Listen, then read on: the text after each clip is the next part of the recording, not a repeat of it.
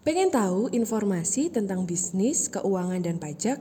Dengerin terus di Cash, The Consulting Podcast, agar kamu selalu update informasi seputar bisnis, keuangan, dan pajak. Stay tune!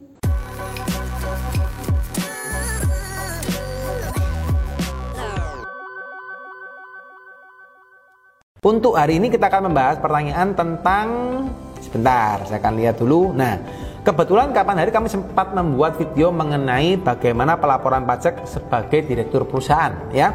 Tapi ini pertanyaan dari teman yang lain uh, dari Raditya Rama di mana dia tanya jika pekerjaannya hanya direktur dan komanditer apa apa yang harus dilaporkan. Maksudnya dia mungkin gini uh, jika pekerjaan orang tersebut atau Anda mungkin yang nonton video kali ini adalah seorang direktur dari CV ya, direktur CV atau direktur perusahaan persekutuan komanditer, apakah tetap Anda harus lapor pajak pribadi Anda? Nah, ini satu hal yang sering ditanyakan oleh teman-teman yang bingung.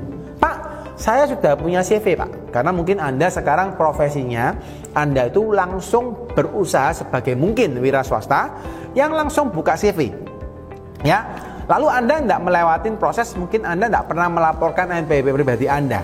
Nah tapi guys coba anda telaah bahwa waktu anda membuat CV anda apakah membuat NPWP pribadi? Nah yuk jawab yuk yang yang sudah pernah buat NPWP pribadi tulis saya buat gitu ya. Jadi anda kalau membuat NPWP CV pasti guys anda itu membuat NPWP pribadi terlebih dulu Oke. Jadi kalau misalnya Anda membuat NPWP pribadi dan baru Anda membuat NPWP CV, maka kita memiliki kewajiban perpajakan itu dari dua kartu yang berbeda ya. Jadi nggak mungkin anda punya cuma satu kartu CV aja. Anda pasti punya satu kartu lagi untuk NPWP pribadi ya.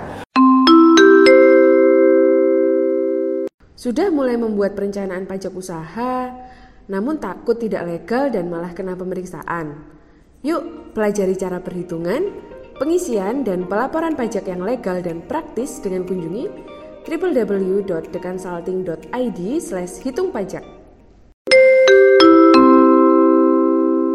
Nah, begitu Anda punya dua kartu guys, ya, maka kewajiban perpajakan Anda itu sesuai dengan kartu yang Anda miliki, yaitu kartu untuk pribadi dan kartu untuk CV. Nah, dan ini masalahnya, Anda harus laporkan guys setiap tahun dan setiap bulannya.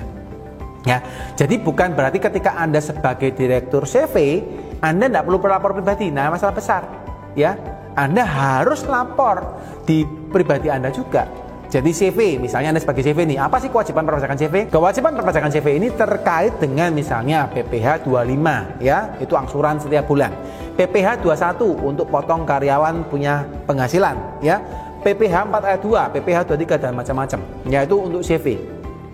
Ketika Anda sebagai direktur di CV, tentunya Anda tidak langsung mendapatkan uh, uh, uh, penghasilan dari CV. Karena kenapa? Ketika Anda di CV itu ada klausul guys bahwa direktur CV itu tidak boleh digaji, ya. Maka Anda hanya mendapatkan prive, ya. Prive itu adalah pembagian hasil keuntungan daripada CV Anda dan Anda ambil di dalam pribadi Anda sebagai namanya prive. Nah, meskipun prive itu tidak harus atau tidak perlu membayar pajak, namun Anda tetap harus melaporkan prive Anda di SPT pribadi Anda. Jadi tetap harus melaporkan SPT pribadinya. Mungkin kalau misalnya Anda tidak ada penghasilan tiap bulan, setiap bulannya Anda tidak perlu lapor. Ya, Anda tinggal lapor nihil. Kalau dulu lapor, kalau sekarang Anda tidak perlu lapor nihil. Ya, tapi di akhir tahun kawan, di SPT tahunan ya, misalnya Anda di bulan uh, Maret ya, dua, uh, Maret uh, bulan Maret ya karena harus lapor SPT tahunan, maka di bulan Maret itu Anda melaporkan SPT Anda dengan penghasilan Anda mendapatkan dari prive CV yang Anda bangun ya. Jadi tetap harus lapor dua-duanya.